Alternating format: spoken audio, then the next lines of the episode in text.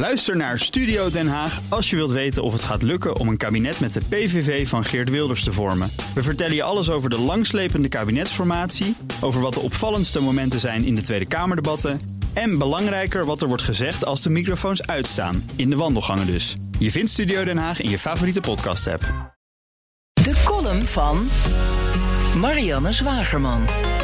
Als Ollongren niet hals over kop met die paparassen naar buiten was gegaan, hadden we hier nu niet gezeten en het niet over een nieuwe bestuurscultuur en uw invulling als minister-president gehad, zei Marielle Tweebeke in Nieuwsuur streng tegen Mark Rutte. Ze bedoelde natuurlijk, als er geen goede fotograaf had gestaan die de aantekeningen van Ollongren had vastgelegd, hadden we hier nu niet gezeten. Eén foto kan nog steeds alle verschillen in de wereld maken. Maar zelfs hun mediacollega's zien de fotografen over het hoofd om vervolgens wel aan de haal te gaan met het nieuws dat de fotograaf, Bart Maat in dit geval, maakte. Maar heb je nog een fotograaf nodig voor nieuws? Of heeft de smartphone de professionele nieuwsfotograaf vermoord? Had Thomas van Groningen die Ollongren foto ook wel even kunnen maken met zijn telefoon tussen het interviewen door? Ik vond het wel mooi eigenlijk. Een nieuwe beeldtaal erbij, zegt fotograaf Rijer Boksem over de opkomst van de passant als fotograaf in zijn afscheidsbrief aan het Dagblad van het Noorden.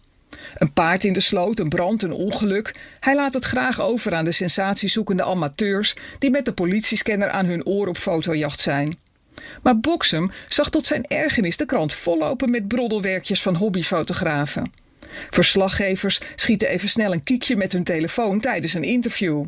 Boksem moest daar notabene zelf voor opleiden. Hij wil als freelancer niet meer voor de krant werken. Nu het Belgische mediahuis, dat het dagblad vorig jaar overnam, fotografen voortaan nog maar 75 euro per opdracht betaalt. Daar moeten ze vijf unieke foto's voor leveren, die het bedrijf tot het einde der tijden mag blijven publiceren in alle print- en digitale uitgaven. Dat is van een kruideniersmentaliteit in de categorie: Oh, is een druppel benzine gratis? Druppelt u hem dan maar even vol. Boksem stelt een interessante vraag in zijn afscheidsbrief. Had de krant toen de oplage daalde niet juist moeten investeren in beeld op superhoog niveau? Zouden mensen misschien alleen al daarom een reden hebben om de krant te kopen?